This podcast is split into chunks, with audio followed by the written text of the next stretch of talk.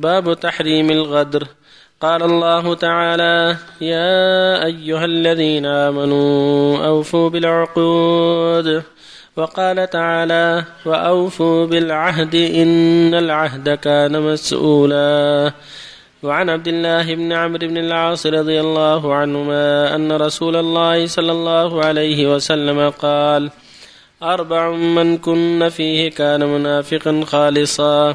ومن كانت فيه خصلة منهن كان فيه خصلة من النفاق حتى يدعها. إذا أتمن خان وإذا حدث كذب وإذا عاهد غدر وإذا خاصم فجر متفق عليه.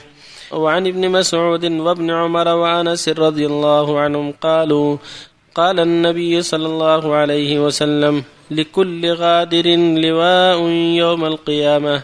يقال هذه غدرة فلان متفق عليه. وعن أبي سعيد الخدري رضي الله عنه أن النبي صلى الله عليه وسلم قال لكل غادر لواء عند استه يوم القيامة. يرفع له بقدر غدره. ألا ولا غادر أعظم غدرا من أمير عامة. رواه مسلم. وعن أبي هريرة رضي الله عنه عن النبي صلى الله عليه وسلم قال قال الله تعالى ثلاثة أنا خصمهم يوم القيامة رجل أعطى بي ثم غدر ورجل باع حرا فأكل ثمنه ورجل استاجر أجيرا فاستوفى منه ولم يعطه أجره. رواه البخاري. وبالله التوفيق والسلام. الحمد لله وصلى الله وسلم على رسول الله. وعلى آله وأصحابه من اهتدى بهدى. أما بعد هذه الآيات والأحاديث فيما يتعلق بالغدر. والغدر هو نقض العهود كونه يغطي العهد ثم يغدر ولا يوفي بالعهد. يعطي العهد للمشركين أو لغيرهم ثم ينقض العهد. هذا هو الغدر. قال الله جل وعلا يا أيها الذين آمنوا أوفوا العقود لأن المعاهدة عقد قال جل وعلا وأوفوا بالعهد إن العهد كان مسؤولا. فالواجب على الأمراء والسلاطين وغيرهم أن يوفوا بالعهود ولا يغدروا وإذا دعت الحاجة إلى غدر ينبذ العهد ينبذ أن يقول ترى العهد اللي بيننا وبينكم انتهى. كما قال جل وعلا ما تخافن من قوم فانبذ إليهم على سواء. يعلمهم حتى يكونوا جميعا على بينة. أما أن يخدعهم يعطيهم عهد ثم يهجم عليهم هذا منكر ظلم خيانة. ولهذا قال صلى الله عليه وسلم أربع من كن فيه كان منافقا خالصا نفاقا عمليا. ومن كانت في خاصة منهن كانت في خاصلة من النفاق حتى يدعها إذا حدث كذب وإذا وعد أخلف وإذا خاصم فجر وإذا عاهد غدر في عهد أبي هريرة آية المنافق ثلاث إذا حدث كذب وإذا وعد أخلف وإذا اؤتمن خان هذه خمس خصال من من خصال أهل النفاق العملية الظاهرة. إذا حدث كذب وإذا وعد أخلف وإذا اؤتمن خان وإذا خاصم فجر كذب في الخصومة وإذا عاهد غدر. والغالب من تجتمع هذه الخصال الغالب عليه أنه والعياذ بالله ينتقل إلى النفاق العقدي نسأل الله العافية. والنفاق نفاق عقدي وهو نفاق المنافقين في عهد النبي صلى الله عليه وسلم وهو كفر أكبر. إن المنافقين في الدرك الأسفل من النار. وهو الذي يظهر الإسلام وفي الباطن هو كافر لا يؤمن بالله ولا باليوم الآخر. هذا هو النفاق الأكبر. والنفاق العملي ما ذكر في حديث عبد الله بن عمرو وغيره. كونه يتعاطى كذب والغدر والخيانة هذا نفاق عملي يخشى عليه منه ليجره إلى النفاق إلى اعتقاده. وهذا يسمى النفاق الأصغر. نسأل الله العافية. والحديث يقول صلى الله عليه وسلم يرفع لكل غادر لواء يوم القيامة. عند استه كما في حديث سعيد يعني عند مقعدته. عند المقعدة لواء يعرف, يعرف به عندنا. هذا غدار هذا غادر. بيرك نسأل الله العافية. مكتوب عليه غدرته هذه غدرة فلان ابن فلان وهذه فضيحة على الرسل الأشهاد نسأل الله العافية. قال في حديث سعيد ولا أعظم من غدرة أمير عام. يكون السلطان يعطي الخصوم العدو يعطيهم عهود ثم يغدر هذه أكبر غدرة أكبر من غدر الأفراد. غدر السلطان والأمراء أعظم من غدر الأفراد.